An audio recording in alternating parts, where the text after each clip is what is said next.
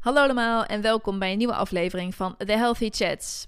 Nou, je hebt het al gelezen in de titel van deze podcast. Het gaat vandaag over het omzetten van de klok en een winterdip en hoe je dat nou eigenlijk makkelijker en fijner voor jezelf kunt maken. Ik herken mezelf hierin heel erg van vroeger. ik heb nog steeds moeite met eh, het omzetten van de klok en daaraan wennen. Winterdip gaat inmiddels goed. Maar elk jaar hoor ik van sporters en cliënten en vriendinnen en familie dat ze daar zoveel moeite mee hebben en dat dat hun stemming beïnvloedt en hun energie. Ik heb een aantal jaar geleden voor mezelf besloten dat ik dit makkelijker wil maken voor mezelf. Ik heb me, ben me daarin gaan verdiepen. En ik ben dingen gaan toepassen die het inmiddels voor mij heel erg oké maken om, uh, om de herfst- en de winterperiode in te gaan. Maar dat is niet altijd zo geweest. En daarom snap ik heel goed waar jij doorheen gaat. En hoop ik dat de dingen die mij geholpen hebben jou ook kunnen helpen. Voordat we beginnen moet ik nog even onderscheid maken tussen een winterdip en een winterdepressie. Een winterdepressie is natuurlijk echt een, ik geloof, een semi-erkende stoornis. Die te maken heeft met een verschuiving van de hormoonbalans in je uh, lichaam. En dat is wat heel anders dan het hebben van een winterdip. Een winterdip is even een dipje in je stemming. Je voelt je even wat minder. Het is wat kouder en wat minder gezellig. Een winterdepressie serieuze klachten, hè, echt moeite hebben met uit je bed komen, eventueel zelfs therapie nodig hebben of supplementen om daar weer uit te komen. Daar wil ik het vandaag niet over hebben. Ik wil je wel een aantal tips geven voor als je een winterdip ervaart, dus een beetje de minder heftige variant van de winterdepressie. Nou, een winterdip ontstaat, en dat weten we, door een gebrek aan licht en warmte. Dat zijn de twee dingen die natuurlijk achteruit gaan als het weer winter wordt. We hebben minder veel licht in de dag en we hebben het over het algemeen vaak kouder. Er is minder warmte om ons heen.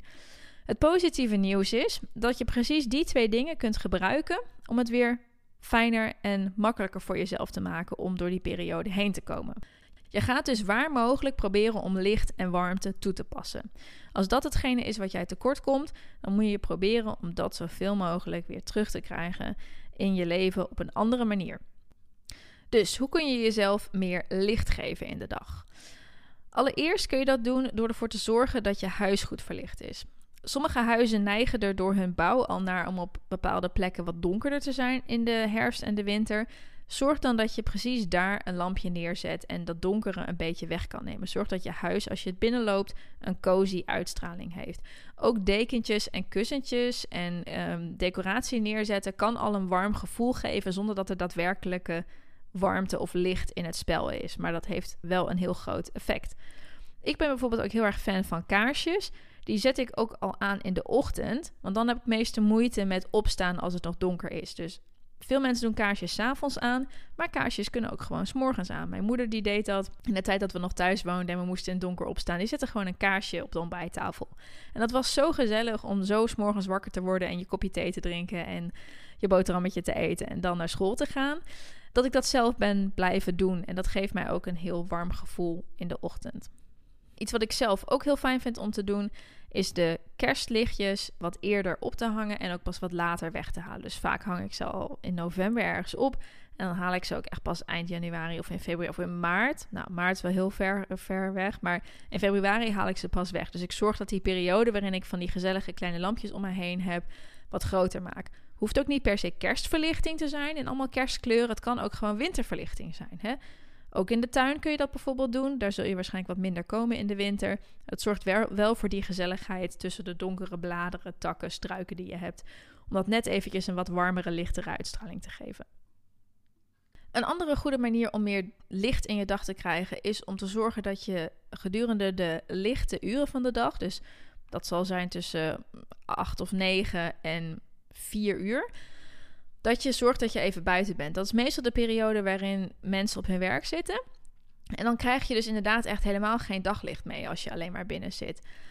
Dus zorg dat je dan in elk geval in je middagpauze even naar buiten kunt en dat je op die manier toch nog een beetje licht vangt. De mens heeft een bepaalde hoeveelheid licht nodig om zich goed te voelen. Daar zitten bepaalde stofjes in die weer inwerken op onze hormonen. Dus zorg dat je die kunt binnenkrijgen.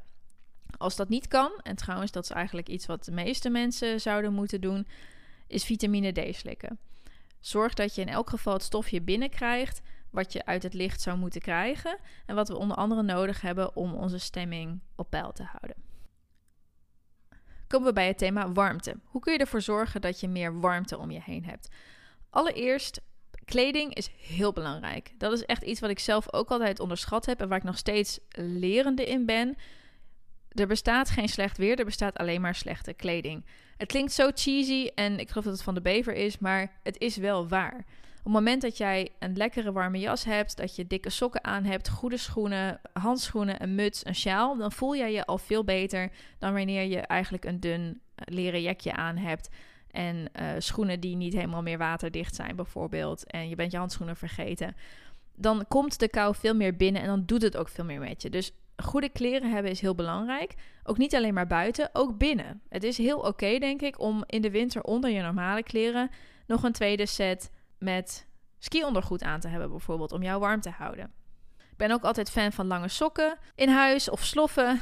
In elk geval dingen die je warm houden. Daar kun je ook een beetje aan bijdragen door warme maaltijden te eten en meer warme drankjes te drinken. Dus misschien niet een smoothie in de ochtend met diepvriesfruit, maar misschien havermout. Of een getooste boterham met iets erop. En in plaats van een koud glas met citroensap, een lekker kopje warme thee of een kopje kurkuma latte. iets wat jou een beetje warmte van binnen geeft. En dan zeg ik kurkuma latte. Er zijn bepaalde voedingsmiddelen die ook nog meer warmte in je lichaam bevorderen.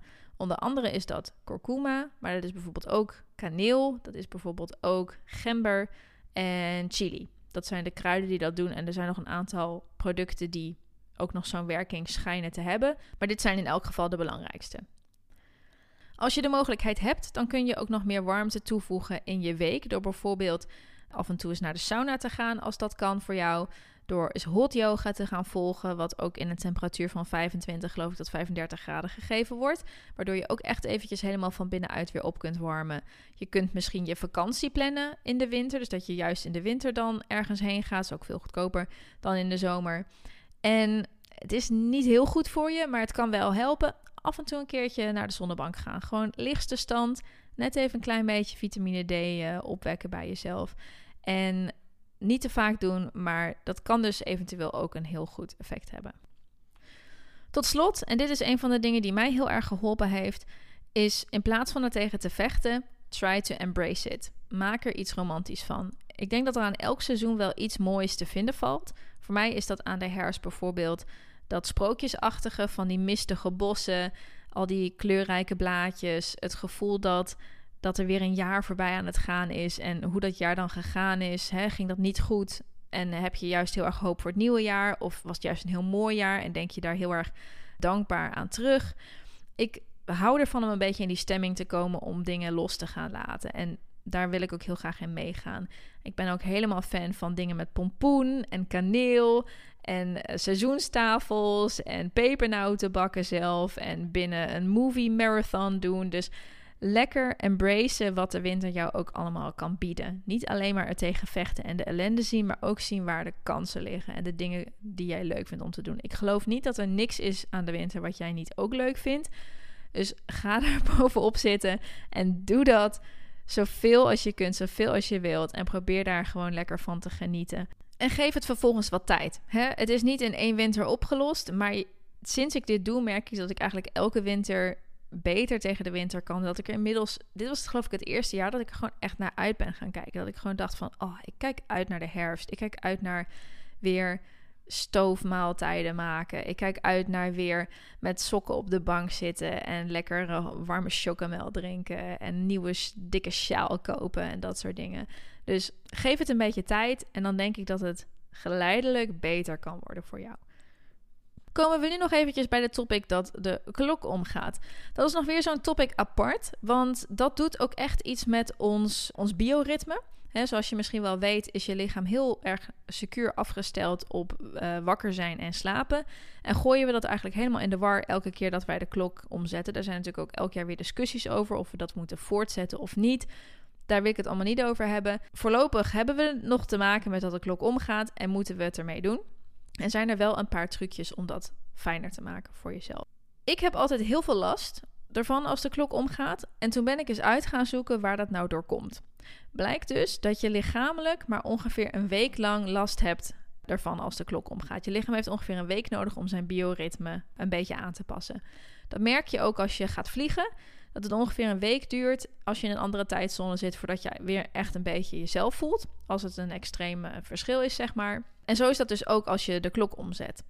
Dus wat zorgt ervoor dat wij soms zo lang nodig hebben totdat we een beetje gewend zijn? Dat heeft dus veel meer te maken met dat we onze gewoontes en ons ritme niet aanpassen.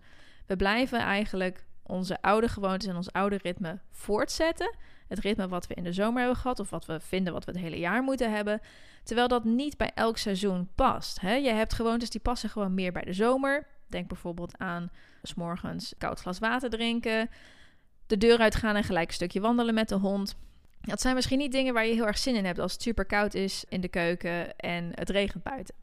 Dus probeer je routines ook aan te passen. Heb een voorjaars- en een zomerroutine en een najaars- en een winterroutine. Misschien wil je het wandelen in de ochtend vervangen door even lezen met een kaarsje aan. En in plaats van sporten in de ochtend, waarbij je er super vroeg uit moet in het donker, misschien sporten naar je werk. In plaats van een groot glas koud water drinken, lekker kopje thee drinken voor jezelf. Het zijn kleine veranderingen, maar ze hebben denk ik een hele grote impact. Ze zorgen ervoor dat we makkelijker op kunnen staan, dat we makkelijker meegaan in het ritme van de dag. En ze zorgen er ook voor dat we ons beter voelen en dat we makkelijker mee kunnen gaan met de energie die in het najaar zoal speelt. Dus ga lekker aan de slag met het bedenken van een winterroutine. In plaats van stug door te willen gaan met de routine die je het hele jaar door hebt. Dat hoeft niet. Niemand zegt dat dat, uh, dat, dat hoeft. Ik hoop dat je met deze tips een klein beetje beter de winter in kunt en wat beter weet hoe je kunt omgaan met het omzetten van de klok. En dat als je ze vanaf nu gaat toepassen voor de komende jaren, dat je ook merkt dat het elk jaar wat makkelijker voor je gaat worden. Dat hoop ik tenminste, om hier doorheen te komen en om daar toch het fijne van te zien. En natuurlijk dat je lekker hebt geluisterd naar deze podcast. Ik wens jou nog een hele fijne dag of avond en ik spreek je volgende keer.